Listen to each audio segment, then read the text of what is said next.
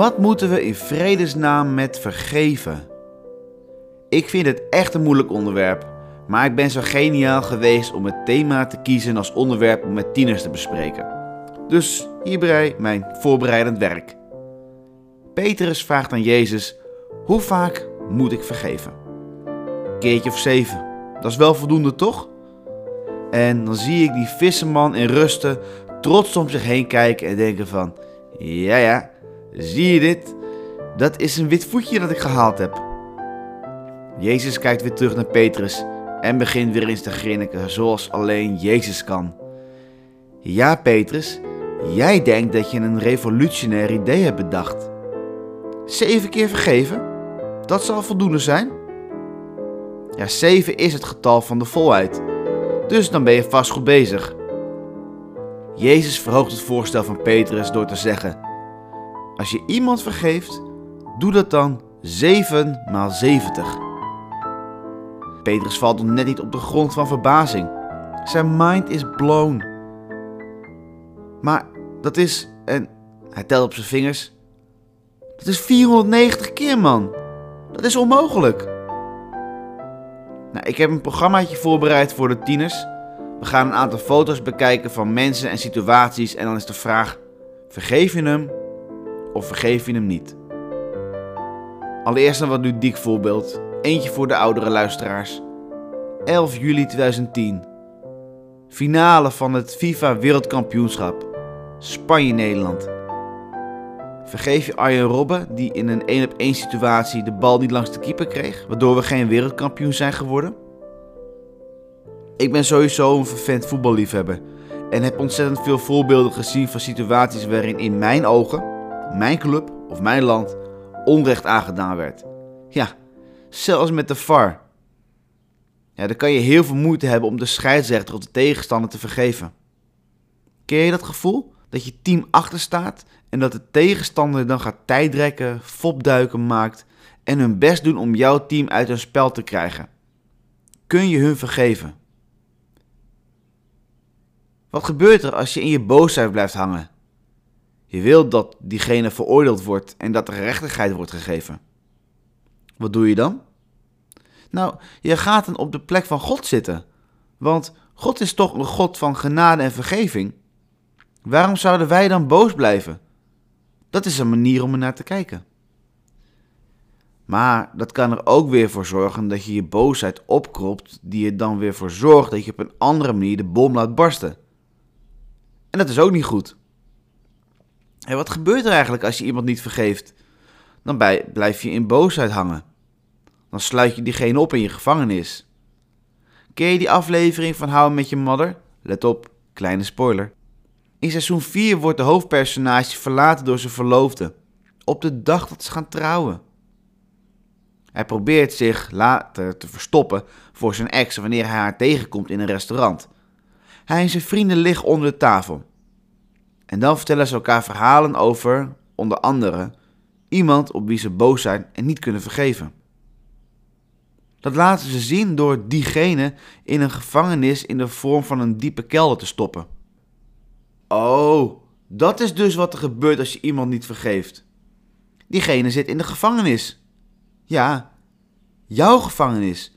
En die herinneringen zorgen er weer voor dat je dat vervelende, boze en onrechtvaardige gevoel krijgt. En dan zegt Jezus dat ik diegene ongelooflijk veel en vaak moet vergeven. Zeven maal zeventig maal. Ongelooflijk. Onmogelijk. Ik lees graag boeken en in sommige boeken komt het thema vergeving voor. Zo ook in het boek van Edith Eger genaamd Het Geschenk. Zie link in bio. Dat is iemand die Auschwitz heeft overleefd. En zij moest ook dansen voor de meest verschrikkelijke mensen uit die tijd, terwijl ze dus gevangen zat in Auschwitz.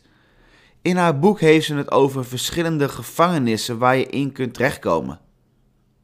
De gevangenis van de slachtofferrol, gevangenis van vermijding, gevangenis van verwaarlozing, van geheimen, schuld en schaamte, onverwerkt verdriet en nog een aantal.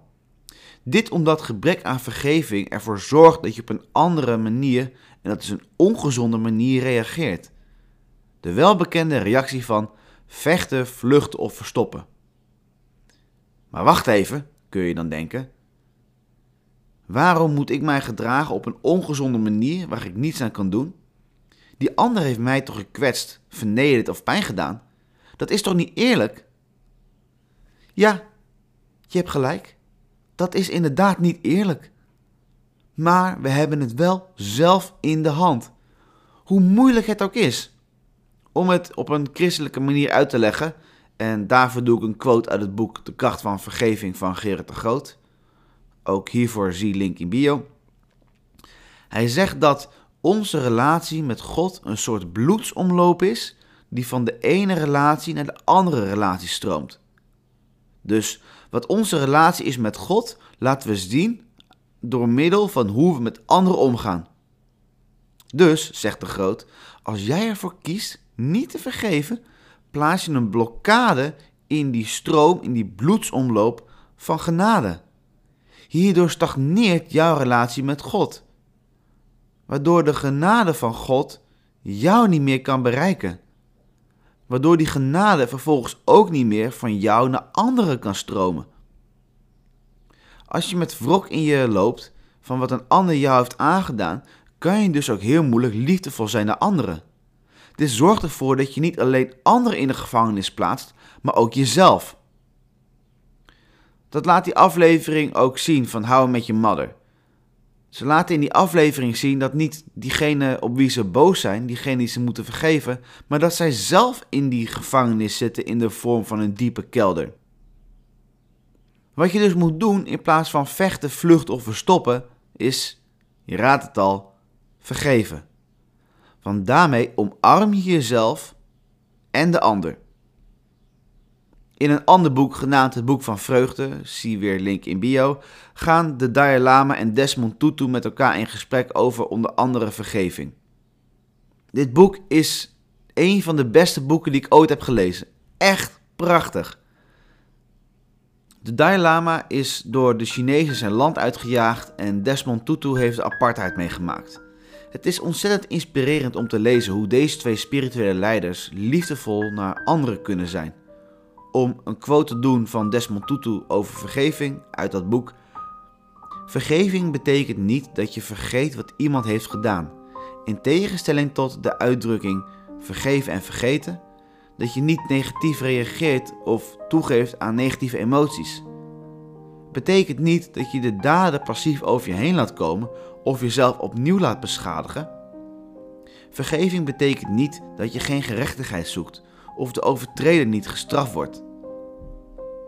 Wat de Dalai Lama en Desmond Tutu proberen te doen is liefdevol en met compassie naar de ander te kijken, wetende dat de ander niet altijd iets kan doen aan zijn daden of dat de ander het misschien niet beter kan weten.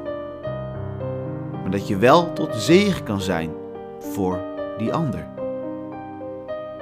Ik vind het zo ontzettend inspirerend. Het begint dus allemaal bij jezelf en bij de houding van je hart. Als ik kijk naar mezelf, ik zocht lange tijd vergeving van iemand. En diegene zocht contact met mij op. Maar diegene vroeg geen vergeving, maar wilde contact, maar op een hele onduidelijke manier. Ik kreeg niet wat ik zocht, want diegene wilde ook geen oude wonden openhalen. Maar ik merkte aan mezelf dat ik gegroeid ben in die situatie. Ik heb de vraag naar vergeving of het verlangen naar bevestiging van diegene niet nodig. Dat was geen makkelijke weg, maar het heeft er wel voor gezorgd dat er een stukje heelheid is ontstaan in mezelf. Ik weet dat deze podcast soms wat kort door de bocht zijn. Dat komt omdat ik een korte podcast wil maken. En over dit onderwerp kan ik uren over vertellen en ook over in gesprek gaan. Dus daarom zou ik je willen vragen als je behoefte hebt en er graag over in gesprek wil gaan, dan kan dat. Je kan mij vinden via mijn contactgegevens in de beschrijving. Ik hoop dat je de kracht vindt om te vergeven en ook om jezelf en de ander te omarmen.